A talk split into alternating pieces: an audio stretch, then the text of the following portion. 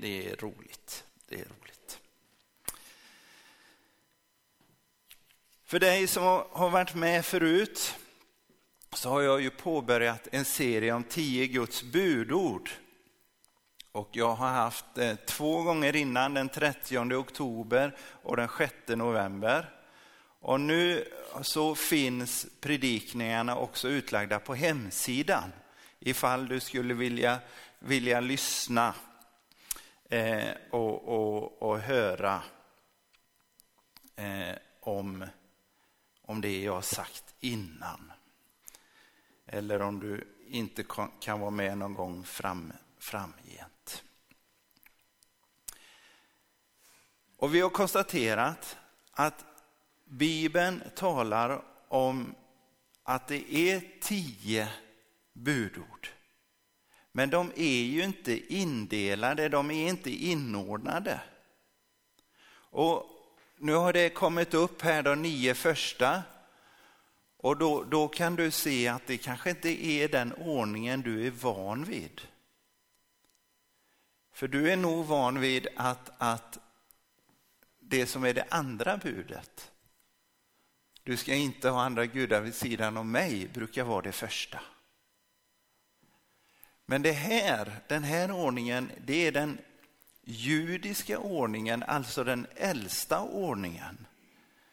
Eh, budorden gavs ju till judarna. Det var också de, de första kristnas ordning. Och varför man har, liksom, det har blivit ändring där, det, det kan inte jag riktigt svara på. Men det jag tycker, det här budorden gavs ju inte liksom som en bara morallag, utan det är, står att det är förbundstecken. Det är ett tecken på förbundet mellan Gud och människa. Och i ett förbund är det ju två parter. Och första budordet det är ju liksom Herrens del i förbundet. Vad han har gjort för människan. Det är han som har fört oss ut ur Egypten, ut ur slavlägret. Och det har ju verkligen fullbordats i det Jesus gjorde. Eh, men idag så, så eh, eh, tionde budet eh, finns med här också, men det, det behöver vi inte titta på nu.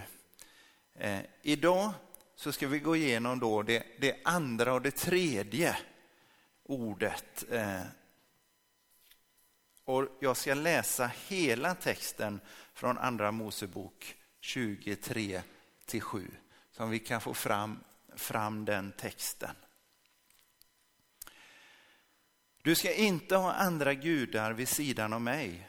Du ska inte göra dig någon bildstod eller avbild av någonting uppe i himlen eller nere på jorden eller i vattnet eller under jorden. Du ska inte tillbe dem eller tjäna dem. Ty jag är Herren din Gud, en svartsjuk Gud, som låter straffet för fädernas skuld drabba barnen intill tredje och fjärde led, när man försmår mig, men visar godhet mot tusenden när man älskar mig och håller mina bud. Du ska inte missbruka Herren din Guds namn, till Herren kommer inte lämna den ostraffad som missbrukar hans namn. Här pratas det om svartsjukt, om att, man, att Herren är svartsjuk och, och att vi älskar, om vi älskar honom. Det visar liksom återigen att det handlar om en relation, en kärleksrelation mellan två parter. Och så talas det också om att, att vad som händer om vi följer dem och konsekvenserna om vi inte följer dem. Och jag tar båda budorden ihop eftersom det är de två buden som liksom direkt kopplar till människans relation med Gud. Och så hänger de dessutom, menar jag, ihop sinsemellan. Vi börjar med det andra budet. Är verkligen inga andra gudar, att inte ha inga andra gudar, något som är aktuellt för oss idag? Alltså den stora frågan för oss idag, det, det är väl om vi har någon Gud överhuvudtaget. Alltså detta med att du inte ska ha några andra gudar, det, det hängde väl samman med den tidens ovetenskapliga synsätt där man liksom såg en slags gud i det mesta.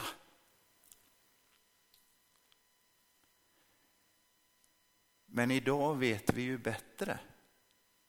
Eller? Nej, lyssna på vad Paulus säger i, i Romarbrevet 1 och 25. Det kommer, in, kommer inte upp på storbild, men jag läser det. Det säger Paulus så här. Det bytte ut Guds sanning mot lögnen. Det dyrkade och tjänade det skapade istället för skaparen som är välsignad i evighet. Amen. De dyrkade och tjänade. Alltså, det du dyrkar, alltså det du tillber, det du tjänar, det du sätter ditt hopp till, alltså det som, som bestämmer vad, du, vad din livsinriktning är, vad du riktar dig in på. Det är det som är din Gud. Och Paulus han ger oss nyckeln till vad andra gudar handlar om. Att dyrka det skapade istället för skaparen. Det materiella istället för Gud. Och då kommer det ju genast närmare oss, eller hur?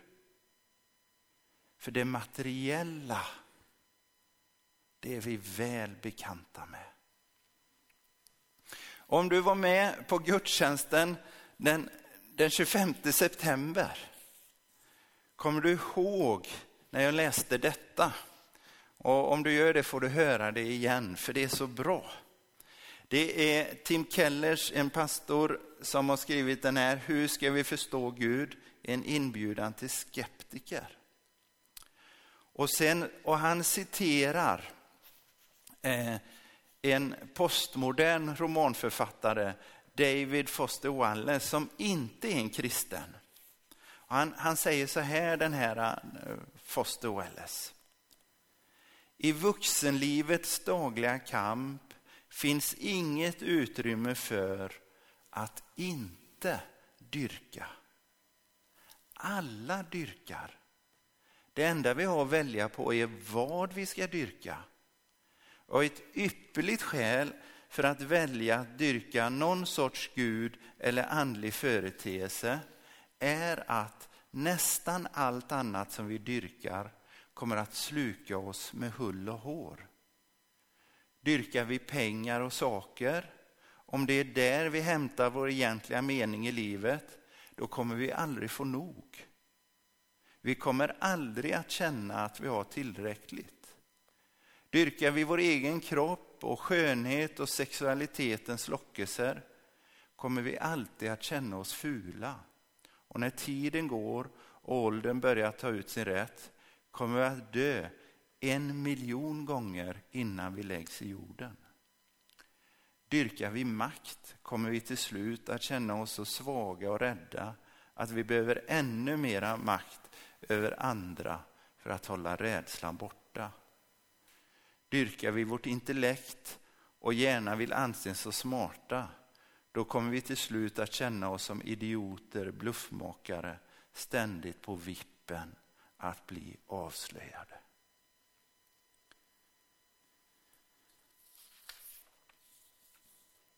Märker du likheten mellan Paulus, Romarbrevets författare för 2000 år sedan och Wallace, en icke-kristen postmodern författare. Båda talar om att dyrka det skapade. Och ännu mer fascinerande tycker jag, det är att det inte bara Paulus utan också Wallace som faktiskt förespråkar att dyrka Gud istället för det skapade. För vad sa han? Ett ypperligt skäl för att välja att dyrka någon sorts Gud eller andlig företeelse är att nästan allt annat vi dyrkar kommer sluka oss med hull och hår. Men så tillägger också Wallace, vi är så övertygande om att vi inte har några andra gudar. För vi är ju moderna människor. Att vi inte ens är medvetna om vad vi dyrkar. Och Wallace han tillägger att det luriga med dessa former av dyrkan är att de inte ses för vad de verkligen är. De är undermedvetna. Det är slags givna grundförutsättningar. Och vad var det Wallace sa att vi dyrkade? Vårt intellekt, och så pengar, sex och makt. Observera att det sjätte till tionde budet handlar om pengar, sex och makt. Men mer om detta kommande söndagar, men det är cliffhanger så ni ska bli nyfikna. Säger man pengar, sex och makt, då lystrar alla.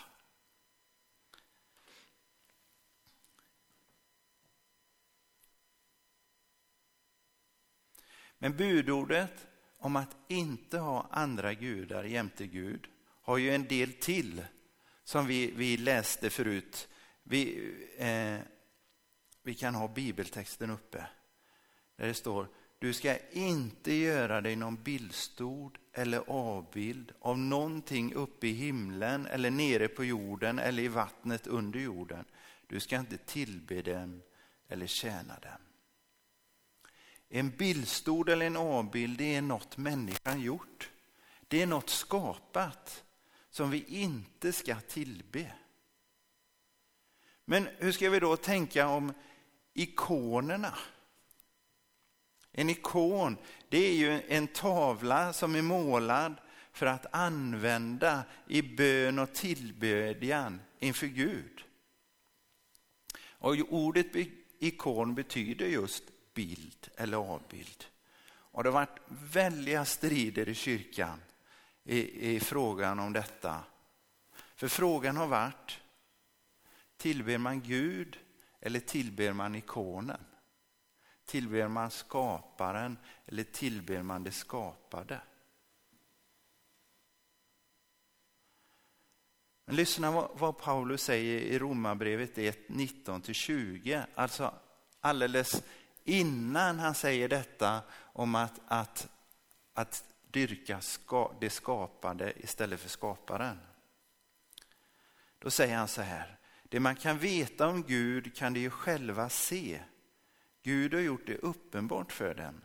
Ty allt sedan världens skapelse har hans osynliga egenskaper, hans eviga makt och gudomlighet kunnat uppfattas i hans verk och varit synliga.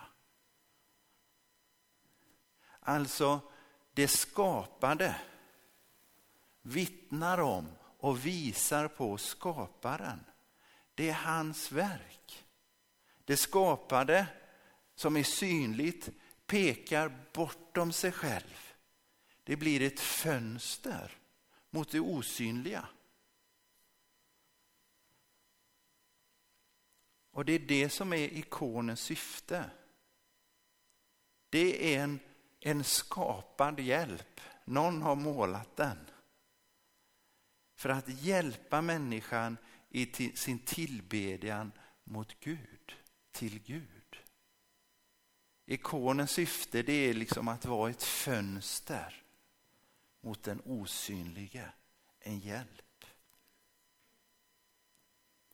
Men när vi börjar att tillbe det skapande istället för att tacka honom som gett oss gåvan, då blir det en avgud.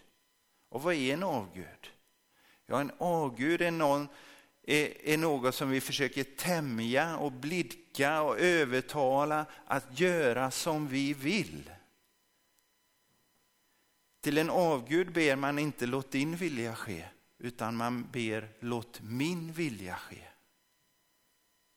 Och det, det skapade som är menat att vara ett fönster mot skaparen som är menat liksom att visa på det finns någon bakom allt detta det blir istället en spegel.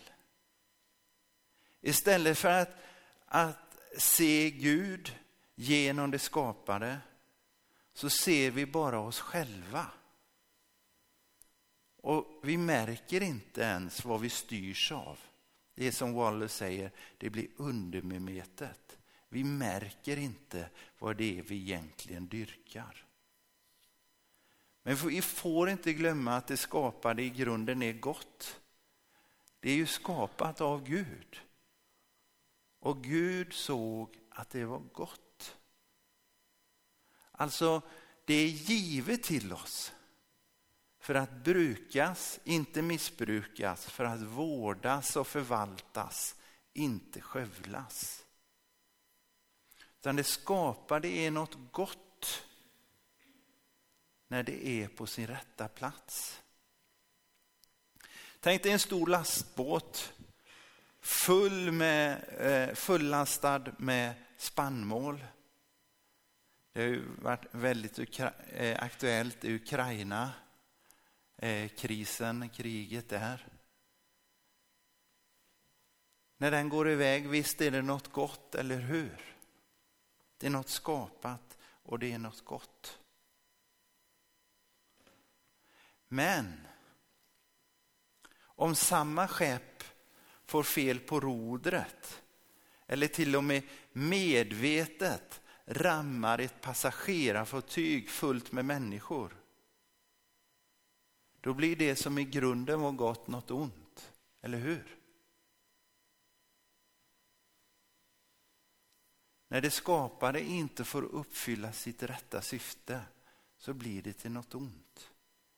Men när vi dyrkar, när vi tillber skaparen och tackar för det gåvor han ger och ber om hans ledning att bruka dem i kärlek och sanning, då får det skapade sin rätta plats.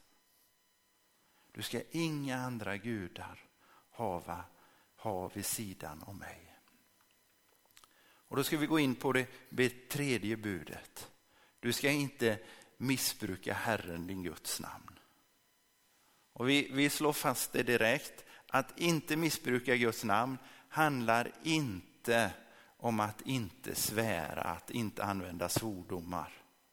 Att få ett av tio Guds budord att handla om svordomar, det är att sila mygg och svälja kameler. Det är att missa det väsentliga. Alltså svordomar låter ju inte så bra, är, är, inte, är inte så trevligt. Men det är mygg. Det är mygg. Det är knott till och med skulle jag säga. Det får inte lura oss till att missa det väsentliga. Och vad är det? Vad är det att missbruka Guds namn? Jo, det är att vilja ha en Gud som passar våra egna syften. Det blir som med avguden. Vi ber, ske min vilja så som på jorden, så också i himlen. Gud, se till att ordna det så som jag vill ha det. Om inte Gud gör det är det inte våra syften vi ändrar på, utan då får Gud ändra sig. Att missbruka Guds namn, det är att säga att det handlar om Guds namn men i själva verket handlar det om ens eget. Man använder Guds namn för att få som man själv vill. Och ett övertydligt exempel är ju Knutby och Kristi brud. Alltså tala om att använda Guds namn för egna syften. Tala om att missbruka Guds namn.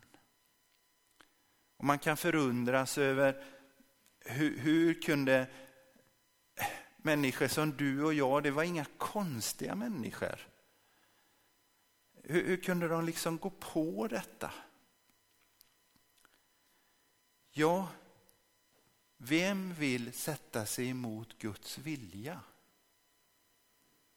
Och det var så det hela tiden sades. Men vi får inte lura oss att tro ah, att men det, det, det är bara något som sker i extrema miljöer med extrema personer. Alltså det, det har skett genom hela kristenhetens historia. Korstågen är ett sånt där övertydligt exempel. Och det kommer att fortsätta att ske till Jesus kommer tillbaka. Så är det. Därför är det tredje budordet i, i den judiska ordningen så viktigt. Alltså missbruk av Guds namn det är ett av de stora hindren för människor att komma till Gud. Ibland som en, en ärlig liksom, eh, orsak. Jag, jag, jag får inte ta på Gud när jag ser allt det här missbruket. Ibland som en ursäkt för att slippa ta ställning. Så varför detta missbruk? Ja, det är ju bara att inse skillnaden mellan att så säger Peter och så säger Herren. Skulle jag säga så säger Herren så skulle ni lystra till direkt. Du får makt genom att säga så säger Herren. Och vi ska säga så säger Herren när det är Herren som säger det. Men det öppnar också en väldigt stor möjlighet för att få din egen vilja att ske. Och därför så, så är det här budordet viktigt att ta in för alla troende. Men särskilt för sådana som mig. Alltså för ledare. Och en del missbrukar Guds namn högst medvetet, kristna ledare. De är väl medvetna om att det här använder jag för att utnyttja människor, för att få min vilja fram. Men andra märker inte ens att de gör det. De är så övertygade om att de är i Guds vilja att de inte märker att de bara ser sin egen spegelbild. Och just detta att missbruka Guds namn, det tar, det tar Jesus upp i, i Matteus 7, 15 till 23. Och jag ska läsa det och vi börjar, vi börjar komma i, i, gå in för landning.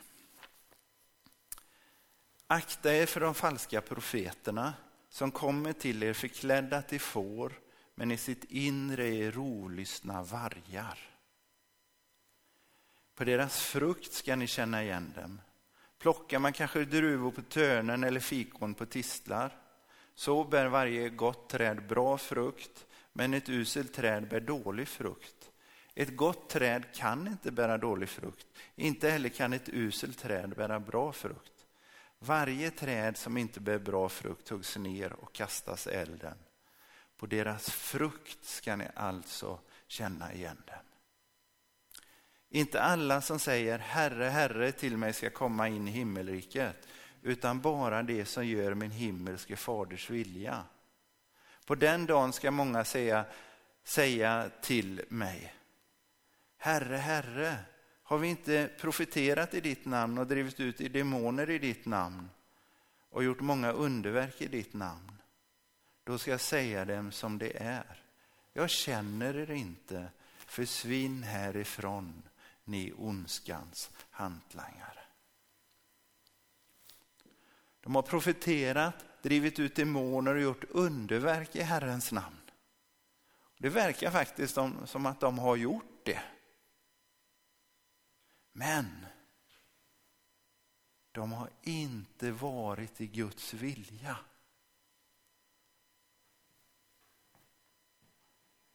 Bara de som gör min faders vilja.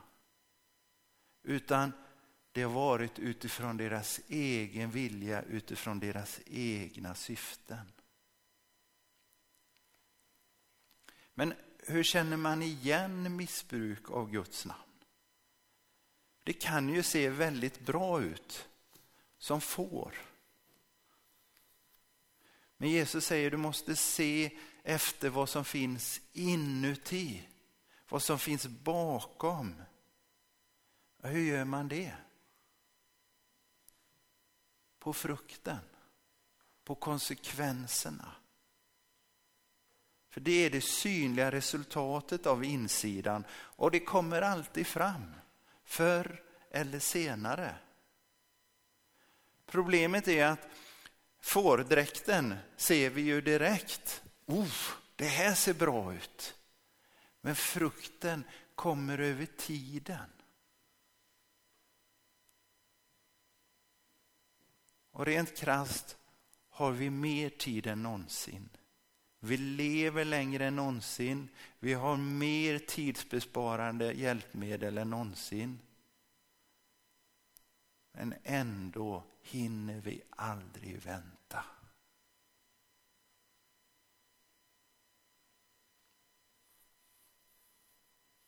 Att inte missbruka Guds namn.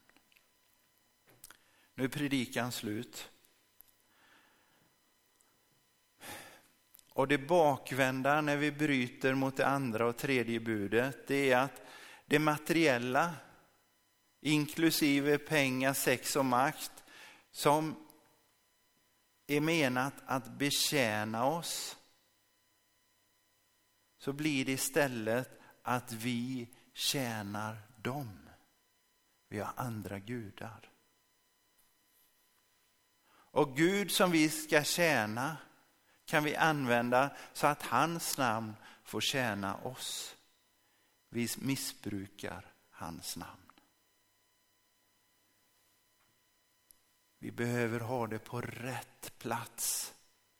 Gud kallar oss att dyrka och tillbe honom för ingen annan är värd vår tillbedjan. För han är vår skapare. Och han kallar oss att ta emot skapelsens gåvor i sanning och i kärlek. Det är att följa det andra och det tredje budet. Amen. Nu så ska vi få ha en avslutande stund inför Herren. Vi kan begrunda om det är någonting som Herren har talat till dig om. Det finns möjlighet att tända ett bönljus skriva ditt bönämne och lägga det i krukan. Vi läser inte upp lappen här. Eller få personlig förbön vid stora fönstret. Där vi enkelt frågar, är det något särskilt du vill att vi ska be för? Och då ber vi för det du säger och du kan också